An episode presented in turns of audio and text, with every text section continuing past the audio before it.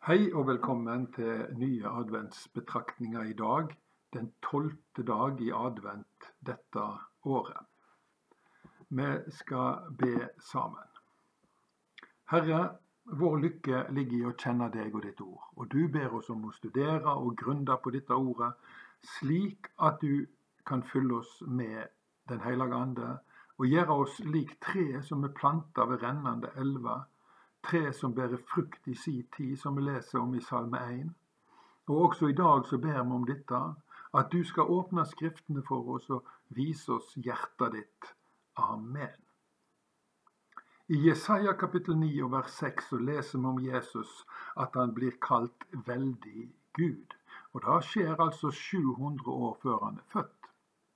På hebraisk er det slik at da du blir kalt, da er du faktisk. Jesus var altså veldig Gud, skaperen av himmel og jord, alt synlig og usynlig, som det heter i den nikenske trosbekjennelsen fra 325 ca. etter Kristus. Jesus er Gud i velde, den Gud som regjerer over himmel og jord. Da han ble menneske, så sluttet han jo aldri å være Gud. Barnet i krybba, han var veldig Gud. Da Jesus hong på korset, så var han fremdeles veldig Gud, midt i det som så ut som et nederlag.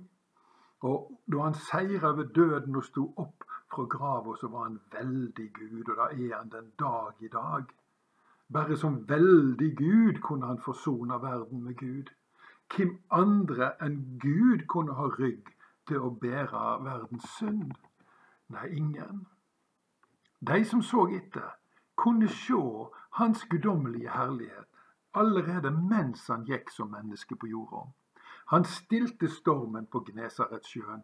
Han kommanderte vonde ånder ut av folk. Han reiste opp døde, og han tilgav synder.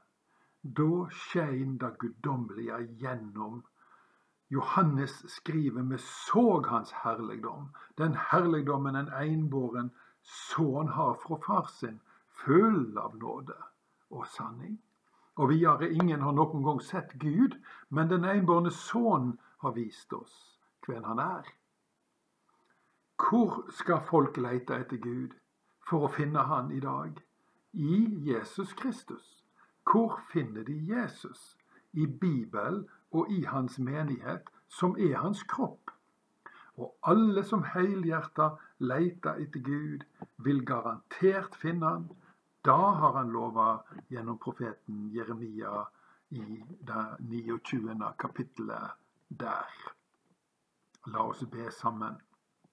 Vår Far i himmelen. La navnet ditt helgast. La riket ditt komme. La viljen din råde på jorda så som i himmelen. Gi oss i dag vårt daglige brød. Og tilgi oss vår skyld, som vi òg tilgir våre skyldnere. Og la oss ikke komme i freisting, men frels oss fra det vonde, for riket er ditt, og makta og æra i all eva.